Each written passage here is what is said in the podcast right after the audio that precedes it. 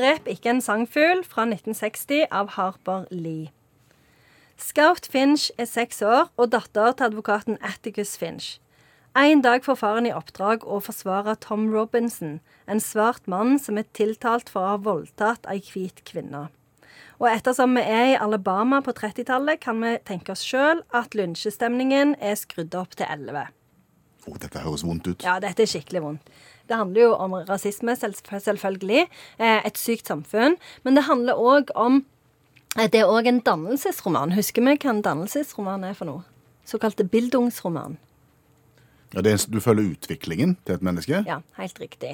Så det er liksom, selv om hun eh, Scout Finch hun er eh, seks år når dette begynner, og så er hun ni år når det slutter, men, men det er liksom et sånn tap av uskyld, da. Eh, at hun på en måte skjønner hvor sykt dette samfunnet egentlig er.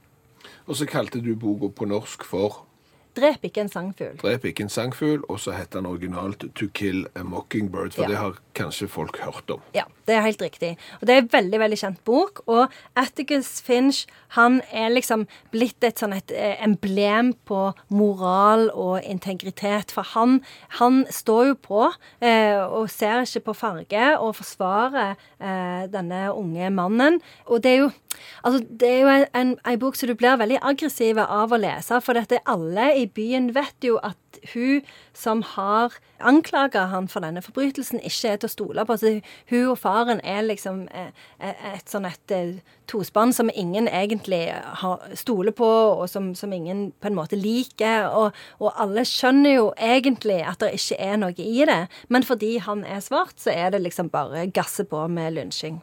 Hvordan ble denne boka mottatt? Fordi at denne raseproblematikken med nord og sør og i USA, den har jo gått fram til omtrent dags dato. Mm, og det er jo sånn at den boka, eh, eh, som, som jo er en av de mest kjente bøkene i amerikansk litteratur på, på 1900-tallet, den er jo, han er jo utvilsomt en klassiker, men den har jo vært liksom forbudt på amerikanske skoler mange steder og mange ganger opp gjennom historien.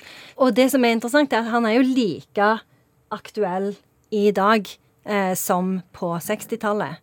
Eh, for det er jo de samme tingene som skjer ennå. Eh, og han Tom Robinson, han ble jo dømt. Eh, selv om alle vet jo at han ikke har gjort det. Eh, og når Atticus Finch liksom skal prøve å ta opp saken igjen, så, så, så blir han jo skutt og drept av noen. Eh, så det er jo ei bok som dessverre er like aktuell nå som han var da. Og den begynner trist, og den slutter trist? Ja, han gjør det. Eh, men det er én gladsak, eh, og det er en nabo som heter Boo Radley. Ja. Han er veldig tøff. Han er sånn, de, ingen, han er sånn eneboer.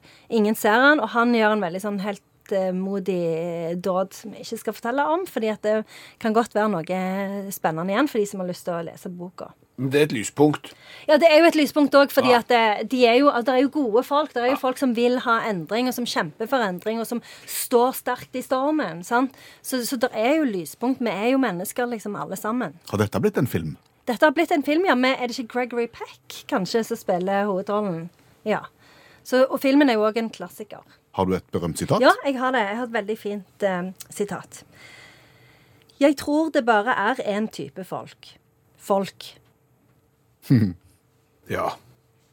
Det er så godt sagt. Og Det det er er, det. noe vi har prøvd å innprente av våre unge, at eh, folk det kan, altså folk kan være idioter uansett hvor Mm. de kommer fra, eller kjekke uansett hvor de folk kommer fra. Mm. Folk er folk. Det er helt sant. Og så lurer vi kanskje på, og dette tenker jeg kan gjerne være sånn nyttig i en sånn festsammenheng eh, For folk er gjerne sånn Ja, men hva er sangfuglen en metafor på? Hva er, en, mo- hva er mockingbird, liksom? Og sangfuglen er et emblem på uskyld. Så ikke drep uskylden. Tusen takk, Janne Stigen Drangsholt, forfatter og litteraturviter.